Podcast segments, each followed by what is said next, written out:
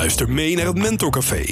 Wilma Oud interviewt in deze reeks van podcasts Hans Ruinemans, Boardroom Monk. Deze podcasts gaan over geluk, gezondheid en geld. Wat speelt zich af in de bestuurskamers van Nederland? Commissarissen, topmanagers en CEO's krijgen hier allemaal mee te maken. Happiness, health en wealth. Kortom, het woord is nu aan de interviewer en de business mentor. Luister mee naar een nieuwe podcast van het Mentorcafé. Elon Musk is een wonderboy. Alles wat hij aanraakt verandert in goud. Wie dat gelooft, trapt in het Elon Musk succesverhaal. Niet alles dat Elon aanraakt is goud. Heel veel is mislukt. Tesla was eens bijna failliet. Er ontplofte een Elon-raket op weg naar Mars. En er was iets met een mini-onderzeeër die Elon wilde inzetten om die Thaise grotjongens te redden. Je weet het vast nog wel. Daarmee en vooral daarna, na die Thaise grotjongens debakel, google het gerust, sloeg Elon een flater van je welste. Elon slaagt, Elon faalt en dat is helemaal normaal. De moderne wereld eist van ons dat we slagen. We hebben moeite met de andere kant ervan het falen. En over het falen ga ik praten met Hans Ruinemans, Boordroemonk. Dit is de zesde podcast van het Mentor Café, luisteraar. Goed dat je erbij bent. Hans, hoe vaak heb jij gefaald in je leven? Hoe vaak heb ik gefaald in mijn leven? Nou Wilma, dat ga ik je vertellen. Ik heb heel veel successen gehad, maar stel dat de formule is dat voor één succes gemiddeld twee mislukte pogingen nodig zijn, nou dan heb ik echt ontelbare keren gefaald. Lig je daar wakker van?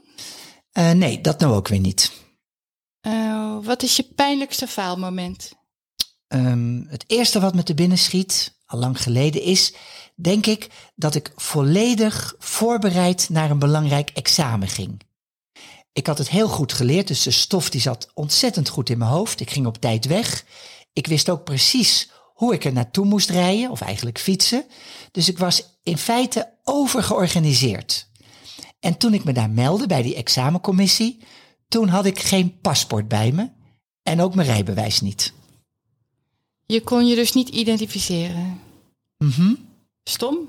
Ja, heel erg stom. Vooral omdat, ik was toen nog jong, eh, de voortgang van de baan die ik toen had op het gemeentehuis in Amsterdam afhing van dat examen.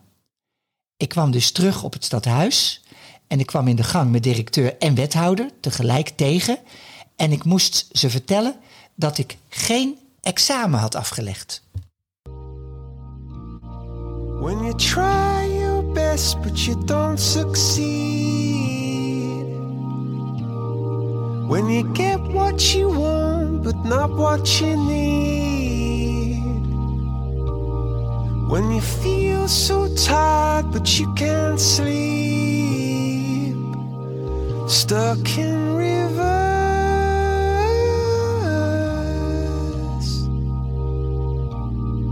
and the tears come streaming down your face.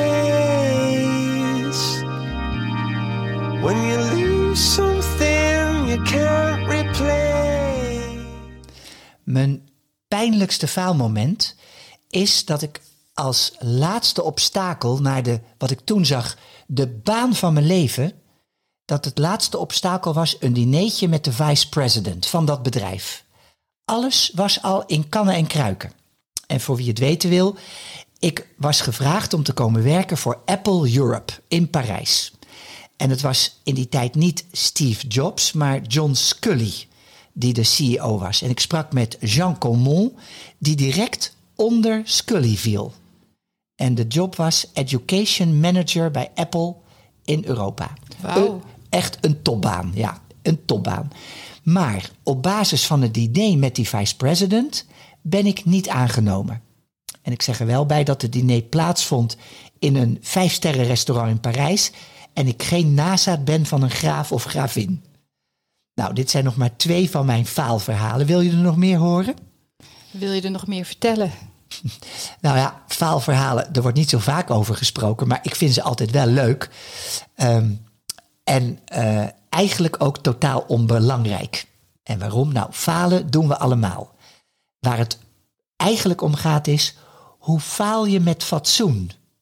Wij, in deze geciviliseerde samenleving, besteden zoveel aandacht aan succes dat we vergeten om ook aandacht te besteden aan de onvermijdelijke andere kant ervan, het falen.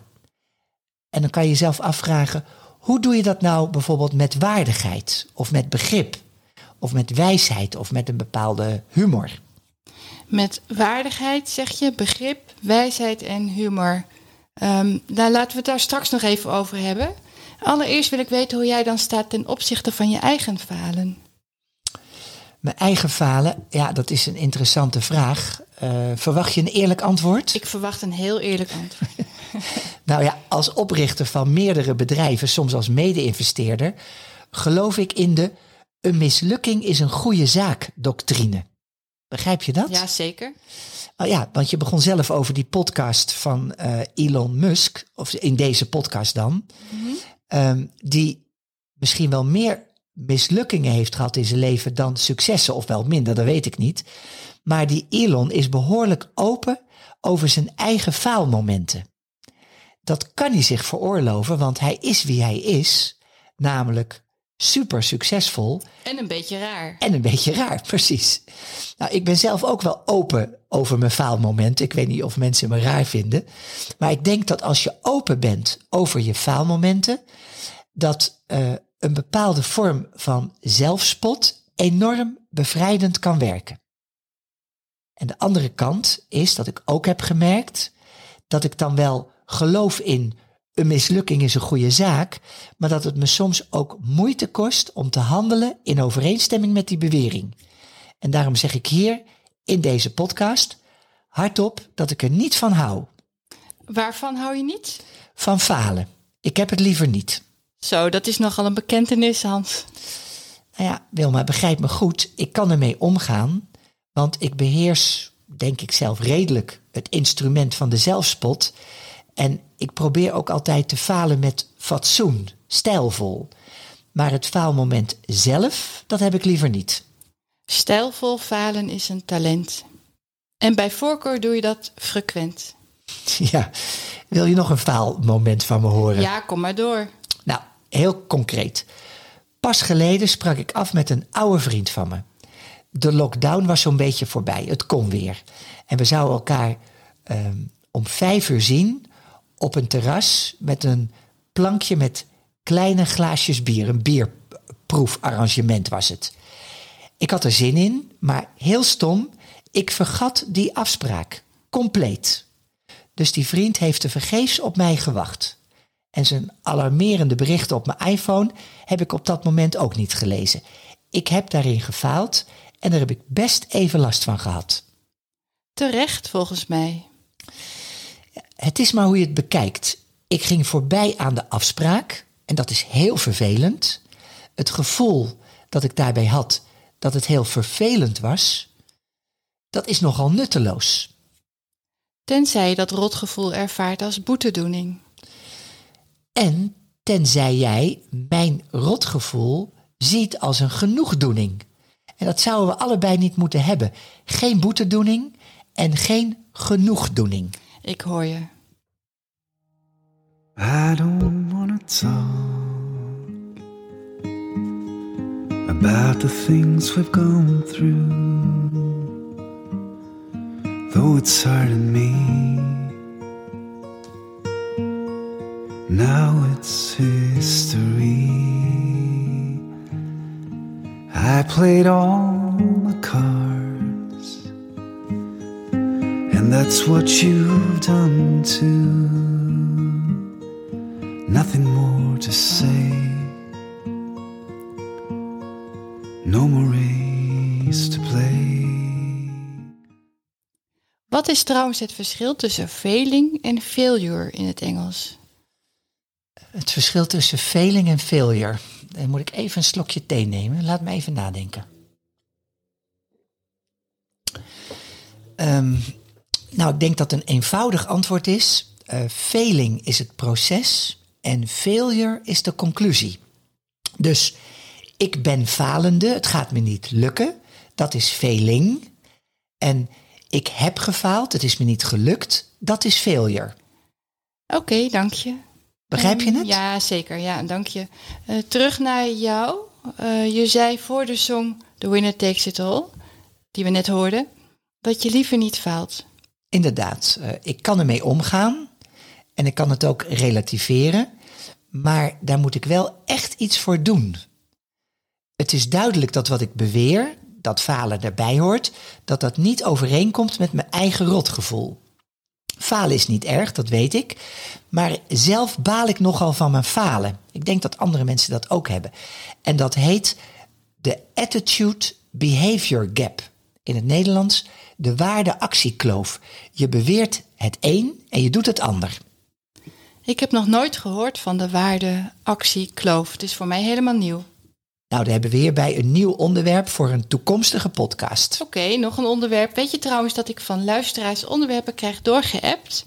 Podcast on demand is het dus op nee, dit moment. dat wist ik niet. Oké, nou ik ben heel benieuwd wat voor onderwerpen dan eh, we gaan handelen in de komende tijd. Laten we bij dit onderwerp blijven. Ik kan mijn eigen falen relativeren en dat doe ik met mijn ratio. Ik weet dat als je een rotgevoel hebt door iets dat is gebeurd, dat het dan niet de gebeurtenis zelf is die dat rotgevoel veroorzaakt, maar je eigen oordeel erover. Het is aan jou om dat oordeel over jezelf uit te wissen. Dat rotgevoel zou je moeten omzetten in actie. Oké, het rotgevoel dat je hebt kun je omzetten in actie. Mhm. Hoe zou je dat moeten doen? Ik zie dat voor me als ehm, met veel geweld tegen een boksbal stompen. Ja, eh, of tegen een boksbal trappen, wat ze tegenwoordig ook doen. Eh, je moet onderzoeken wat er exact is fout gegaan en hoe je dat kunt repareren. En wat ik iedereen aanraad is altijd om eerlijk te zijn tegenover de benadeelde. En zo snel mogelijk je excuus aan te bieden. En verder hoef je naar die persoon eigenlijk niets meer te doen. Nou ja, in die excuses kun je het ook nog verkeerd doen, want je moet niet overdrijven. Gewoon eenmaal duidelijk een welgemeend sorry zeggen, dat zou genoeg moeten zijn. Je mag uitleggen wat er gebeurd is, zolang je, in mijn optiek dan hè, zolang je maar niet aanvoert dat je er niets aan kon doen. Je bent zelf verantwoordelijk. Oké, ik had het in het begin over het duikbootje van Elon Musk, Mhm. waarmee hij die Thaise grotjongens wilde redden. Ja, Ja, Elon had kunnen zeggen: Sorry voor mijn gedram over die duikboot. Volgens mij heeft hij dat ook gedaan hoor. Eh, ja volgens mij ook. Eh, er waren een, een stel voetbaljongens, hè, die zaten opgesloten ja, in die grot. voetbalteam. Ja, het liep opeens onder water, vandaar die duikboot. Ehm, nou, eh, sorry voor mijn gedram over die duikboot, maar ik wilde die kinderen redden, zoals Elon deed. Dat is nog een keer fout. Want je verschuilt je dan achter je motivatie of achter de omstandigheden. Daarom excuus en mond dicht. De benadeelden met rust laten. Even. Ja, want eh, in de slipstream van je vergissing eh, moet je niet allerlei beloftes gaan doen. Eh, zelfs als je weet dat je die beloftes kunt waarmaken, doe dat nog even niet. De benadeelde heeft daar op dat moment niets aan. Gun de benadeelde, benadeelde, lastig woord, ook zijn of haar pijn of een zwaar baalmoment. Ja, zoals we al zeiden, laat de persoon maar even met rust. Precies. Eh, elke mislukking, als we teruggaan naar dat onderwerp falen, heeft een oorzaak. Of het nou een professionele vergissing is, een vergissing die je maakt in je werk, of een persoonlijke vergissing. Zoals ik al zei toen ik die afspraak met die vriend vergat. Er is, het is nooit zonder een oorzaak. En verstandig is om daarnaar op zoek te gaan. In het geval van mijn gemis- gemiste afspraak, daar heb ik over nagedacht. Ik was na de lockdown niet meer scherp op dit soort planningen. Dat is geen excuus, het was de oorzaak. En ik weet nu dat ik daar weer goed op moet letten. Of eigenlijk moet ik zeggen, ik wist toen al dat ik daar weer goed op moest letten. Mijn focus lag op mijn binnenwereld en dat moest omdraaien. Ik moest weer naar de buitenwereld. Mhm. Als we maar kijken naar het gemiste examen in je ambtenarentijd. Ja? Wat was daar de oorzaak van? Eh goeie vraag. Ik denk dat het gemiste examen toen ik ambtenaar was bij de gemeente Amsterdam, was dat ik het eigenlijk allemaal maar niks vond. En over de baan bij Apple, Europa, in Parijs, die ik niet, niet kreeg. Ik beheerste de Parijse upperclass omgangsvormen gewoon niet. In het Frans, la classe supérieure. Heb je er nog lang last van gehad? Van de, nou, ja, van de teleurstelling? Ja, ik baalde, want het was zo'n mooie baan. Maar oké, ik heb nog steeds eh, Apples en Apple eh, spullen. Dus ja, echt, dat was heel erg jammer. Maar goed, eh, ik beheerste dat niet. En eh, Elon Musk en zijn onderzeebootje, ja, ik weet het natuurlijk niet zeker, maar misschien wilde hij wel dat die jongens gered werden door hem. En dan gaat het mis misschien. Ja, want falen bevat ook vaak een verborgen boodschap. Een foute intentie bijvoorbeeld. En dan gaat het mis omdat je ja, te veel ego in de strijd gooit, of dat je te overhaast handelt, of omdat je belangrijke mensen schoffeert door je vork verkeerd vast te houden. Of te weinig focus. Ja, je hebt er misschien geen zin in. Het zijn geen excuses, het zijn oorzaken. En trouwens, verblind door succes is ook een oorzaak voor een mislukking. En die kom ik trouwens in mijn mentorpraktijk het meest tegen. Ehm, als we het nu even samenvatten, dan kijk ik weer even naar je.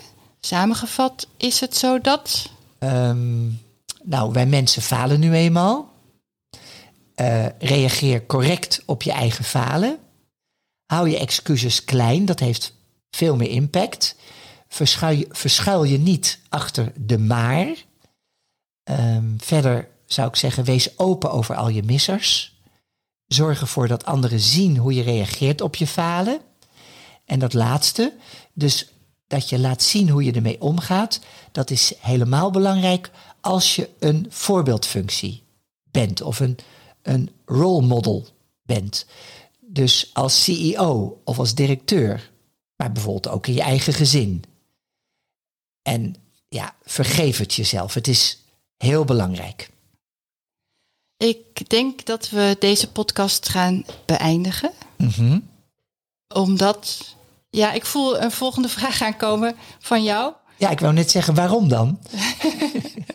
Ja, Eh, en eh, jij, jij zei het, maar inderdaad, dat ging door mijn hoofd. Je hebt gelijk. Wilma, wat is jouw faalverhaal? ja nou, ik kijk wel uit, hè. Maar ik hou mijn faalverhalen voor mezelf. Oké, dat snap ik helemaal, want jij bent tenslotte de interviewer. Ja, en ik stel je niet, niet voor niks de vraag. You lucky bastard. Ja, met, met deze mooie woorden van Hans eindigt onze zesde podcast. Luisteraar, je doet ons een groot plezier door je te abonneren op het Mentor Café. We zien je graag de volgende keer weer. Tot de volgende podcast en heb een leuke week. Zo is het.